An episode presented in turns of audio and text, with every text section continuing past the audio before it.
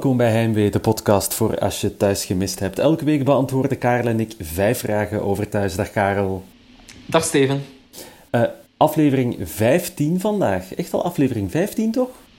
Ja, het lijkt, het lijkt snel. Hè. Ik denk vooral dat die eerste 10 weken snel gegaan zijn. De laatste vijf weken lijkt me op een of andere manier 500 weken, maar dat heeft misschien een andere, een andere reden. 15 afleveringen met... Uh, we hebben er al 14 gehad. We hebben al 60 vragen gehad. Als ik het... Nee, meer? 50? 4 x 25? Uh, 70 vragen. 75. Uh, ja, nee, ja, nee, van, 70 nee, gehad, 5 nog... Dus over 10 minuten hebben we 75 vragen over thuis beantwoord. Ja, dat zijn er flink wat. Uh, vandaag onder andere vragen over wandelingen aan het strand, waarom Pasen op een dinsdag valt en een vraag over de man in het leven van Tanja. Maar eerst vat Karel de week samen in 60 seconden. Klopt, breaking. Dieter heeft niet alleen gekust met Karen, ze hebben ook de liefde bedreven. Heerlijk romantisch, op de toiletten van Bar Madame. En iedereen weet het, behalve, behalve Nancy. Zij is enkel onrust over waar Dieter in godsnaam uithangt. En wanneer ze thuis komt, heeft ze al snel door dat er iets met hem scheelt. Maar Dieter blijft zwijgen en vertelt de waarheid pas vanavond op vrijdagavond. En op het strand begint Tim ineens over een tweede kind tegen Sam. Dat ziet zij, uh, meteen, uh, dat, dat ziet zij niet meteen zitten. Maar op datzelfde strand zijn uh, Anne en Tom ook nog steeds op zoek naar Tanja. Zoeken, zoeken, zoeken. En dan vinden ze haar ineens aan de surfclub Traantjes, Traantjes. Want ze had op dat strand net een stevige ruzie met een geheimzinnige man. Karen dumpt uh, Reinilde als klant en dus zoekt Reinilde een nieuwe advocaat. ze denkt aan Peter, maar hij zegt nee. Karen trekt dan weer haar Karen. Ja, dat, dat was een soort van woordmopje, maar dat is niet zo goed gelukt. En verklaart aan de politie dat ze niets te maken heeft met de zogenaamde aanranding uh, van Dries aan uh. Daardoor mist ze wel de trouw van haar zoon uh, Kobe met Pauline. Tijdens die trouw past Adil op het kind van Tamara en Bob. Christine komt op bezoek, hoort de baby huilen en gaat hem troosten.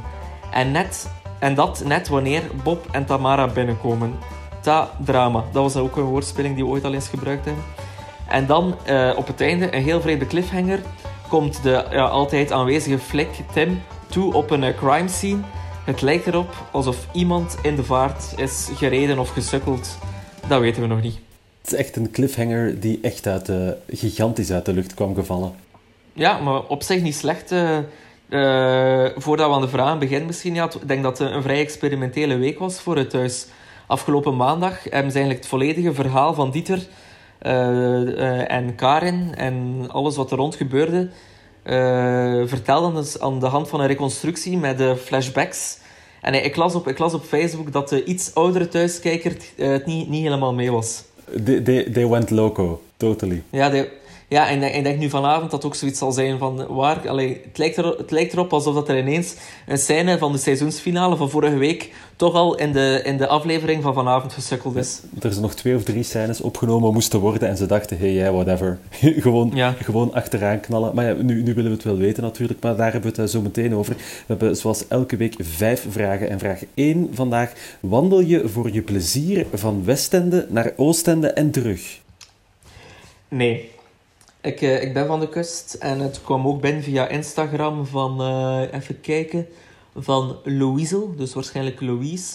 Uh, die had uitgerekend dus dat het 2 uur en 45 minuten wandelen is van Westende naar Oostende, dat is 13 kilometer.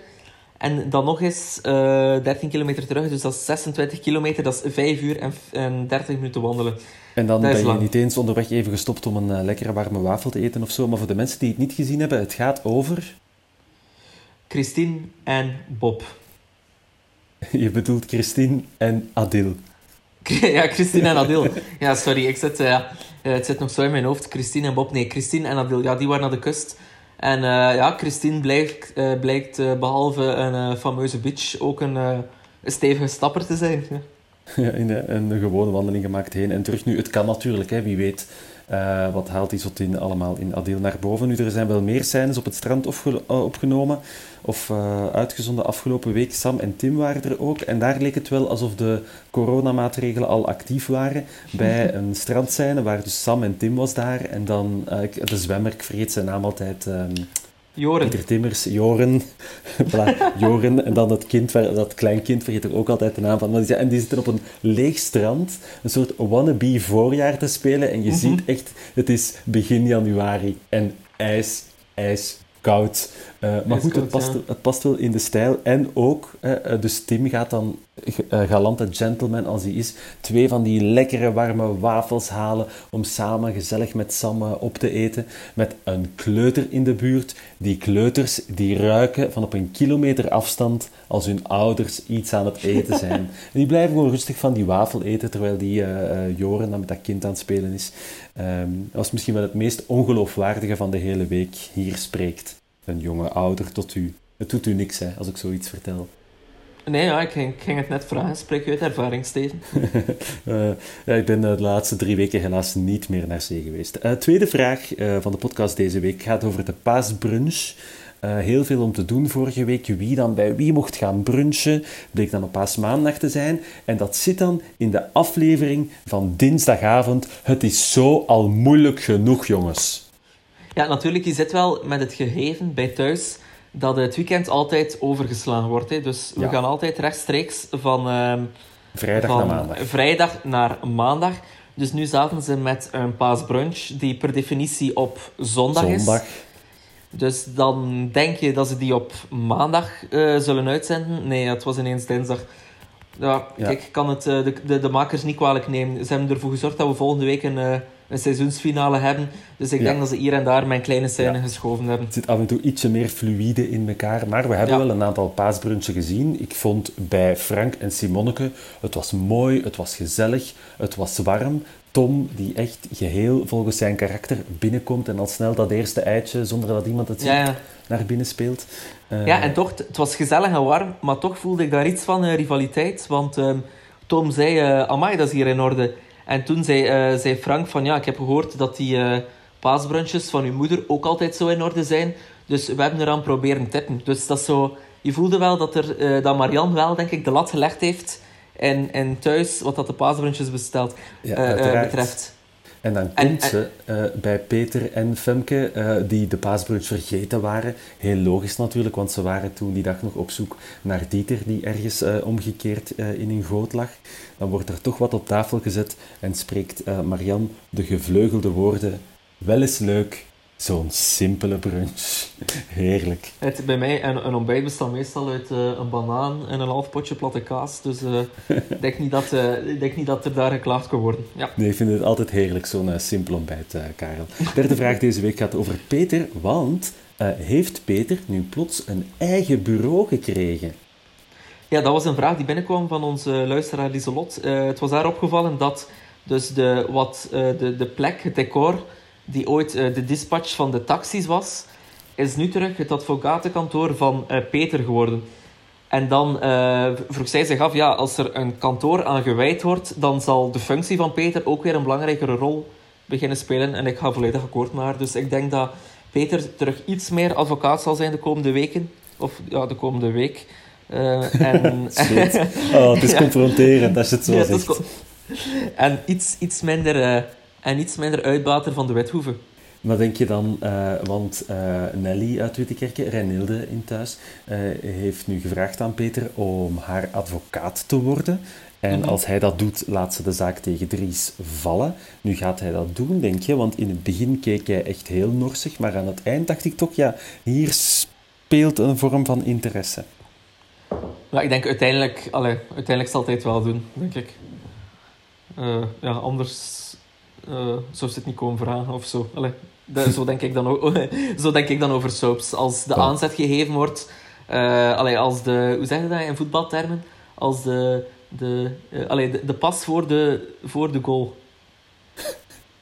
De, eh, als de assist gegeven wordt, dan, eh, dan zal eh, Peter die wel eh, binnenspelen. Dus ik denk van Dus wel. een, voetbal, een voetbalspreekwoord dat mij nog niet geheel bekend is, maar we gaan proberen het vanaf nu ingang te laten vinden. Nu, Peter zit in het bureau waar tot voor kort Simon zat, die nu toch echt een bijrol van een bijrol van een bijrol heeft gekregen. Die mag af en toe eens door beeld lopen bij de kabouters. Ja, het is, eh, iedereen heeft soms zijn of haar periode. En op dit, eh, het is nu niet de periode van Simon. Nee, het is niet is, eh.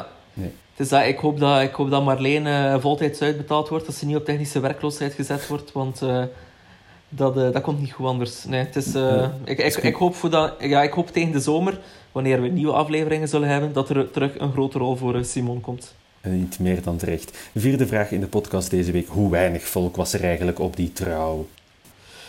Ja, awkward hè. En dan, en dan was Karin, de moeder van de bruidegom, of de bruidegom, uh, er, er, ook niet eens. Nee, het gaat over de, de, trouw van Kobe en uh, Paulien, die wel in dezelfde ruimte trouwen als waar het fiasco van Bob en Christine zich heeft afgespeeld. Was het ook dezelfde, dezelfde schepen van burgerlijke stand?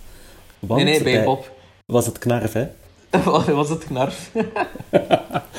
Knarf van Pellekom, die eigenlijk Frank heet, maar we noemen hem toch Knarf, een van de hoofdscenaristen, denk ik, uh, van thuis. Maar dus heel weinig volk daar. Op zich, ja, uh, Waldek, Tilly, nog... Bob, Tamara, Louis... Ja. ja we kunnen ze bij... Ro Rosa, ja denk 10, 15 mensen. Een huwelijk in coronatijden eigenlijk. Dus op zich komt het nog opnieuw goed uit. Over, over kleine huwelijken gesproken. het seizoen van Blind Getrouwd zit er bijna op. En daar vind ik al, altijd een huwelijk al vrij besloten. Dat is altijd zo met een man of 60. Ik denk dat dat ook wat geheim moet blijven. Maar inderdaad, uh, het wereldrecord kleinste trouws kan wel op naam van thuis en niet op lid getrouwd. Is bij deze gebroken. Uh, het bruidsboeket wordt dan gegooid. Tilly, Tilly vangt, kijkt naar Waldek, die ook wat raar kijkt. En dan duwt ze het bruidsboeket maar in de armen van Tamara, die met Bob wel zoiets heeft van, wel ja, laten we er dan maar voor gaan. En dan zien we Tilly ook nog eens zeggen uh, in het, dat is als ze aan het eten zijn na de trouw, tegen Waldek, het wordt tijd dat ik weer vertrek. Uh, en dat is denk ik niet even vertrekken van een trouw om rustig naar huis te gaan, maar echt weer de rugzak pakken en de wereld uh, ingaan. Tilly, waarom zijt je dan eigenlijk teruggekomen?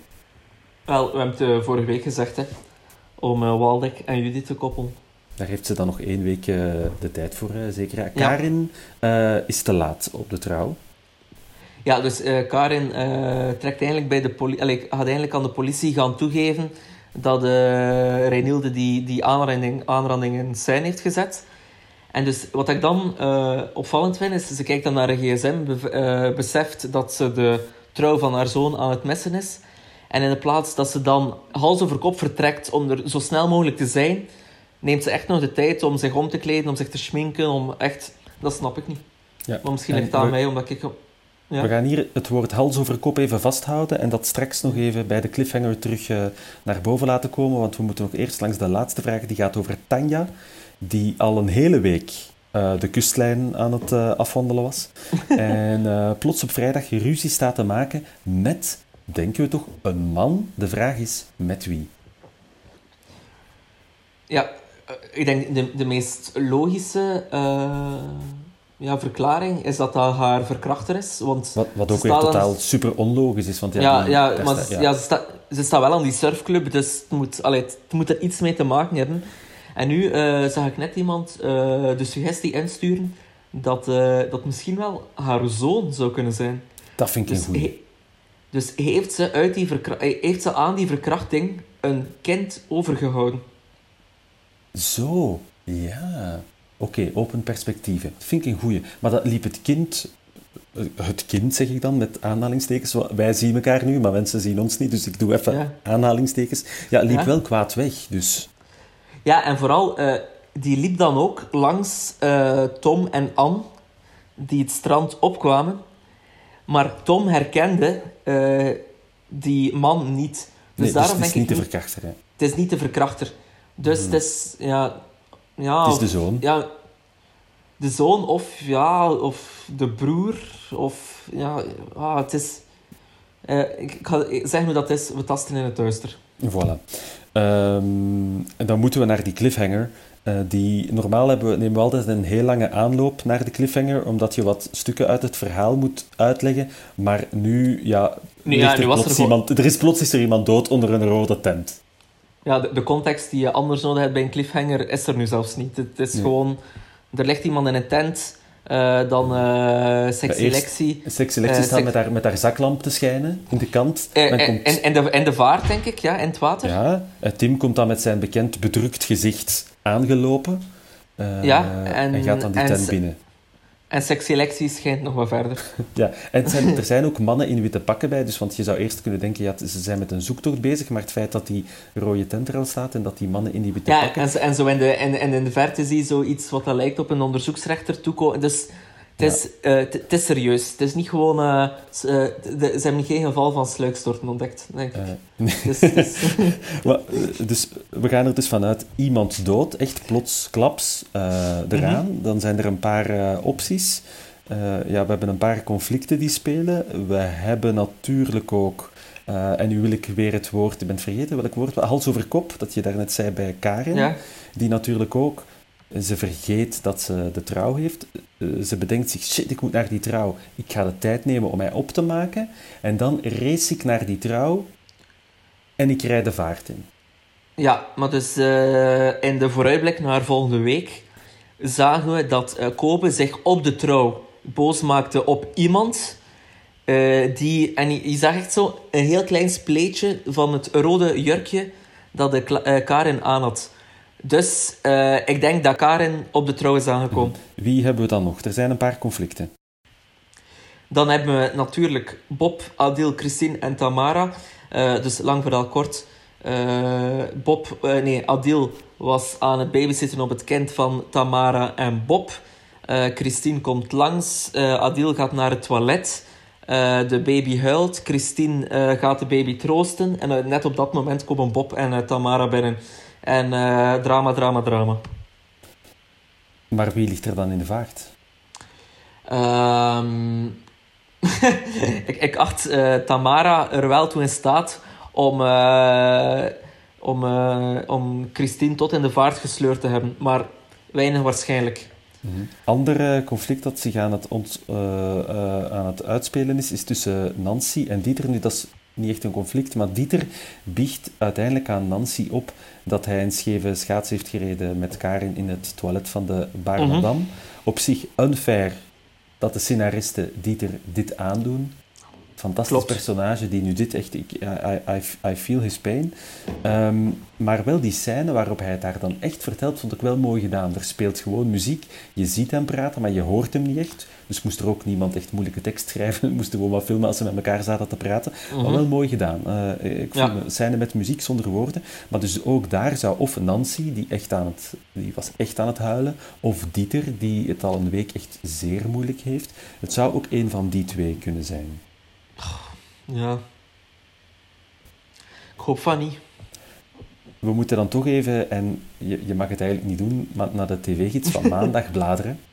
Um, Ja, stond afgelopen woensdag al, ja, stond al in de libel afgelopen woensdag, dus Het trouwfeest verloopt niet helemaal van een leien dakje. Robin beweegt, bla bla bla bla. Judith geruststellen. En dan staat het er in de aflevering van komende maandag. Nancy wordt onderweg tegengehouden door de politie. Dus ja, het is niet Nancy. Dan zou het Dieter kunnen zijn. Nu, in, in soaptermen natuurlijk, als, als je Nancy, als je iemand hebt die aankomt lopen en die denkt het is iemand, zo, zou het ook nog iemand anders kunnen zijn. Maar we, we willen gewoon niet dat Dieter doodgaat. nee, dat wil nu niemand. Ja, anderzijds, ja, wie, zat er, wie zat er echt aan de grond deze week? Wel, Dieter, hè. Het is... Het is... Ah, ik hoop van niet. Ik hoop echt, echt, echt van niet, want anders zitten we volgende week vrijdag met eh, een begrafenis op de, op de seizoensfinale. Ja, eh, en eh, daar moeten we inderdaad ook nog op gokken. Wat hadden we vorige week alweer gezegd over die eh, seizoensfinale? De ding is met Christine, maar die ligt nu misschien dood in een kanaal, of Dieter. Dus we kunnen wel zeggen dat de scenaristen van thuis het goed hebben gespeeld, want alles wat we vorige week hebben gezegd Ja, is nu voor, ongeveer... vorige week dachten we Adil Christine komt uit, maar dat is vandaag al uitgekomen. We dachten Judith moet kiezen tussen Tom en Waldek. En, ehm, ah ja, en we dachten misschien een kleine ontsporing tussen Els en Peter. Maar nu deze week, ja... ah, de, Eh. focus ligt nu, de focus ligt nu zo hard op, op, op Dieter en Nancy. Oh, ik, ik, hoop, ik hoop dat het goed komt tussen die twee. Ik ben het helemaal kwijt. Ik hoop eh, dat we een mooie seizoensfinale krijgen volgende week vrijdag. Als je een vraag hebt die wij moeten beantwoorden over thuis, kan je doen via onze Instagram-account heimwee naar thuis. Dan gaan wij nog genieten van die vijf laatste afleveringen thuis van volgende week. Eh, bedanken wij voor het luisteren en zeggen wij... Tot volgende week.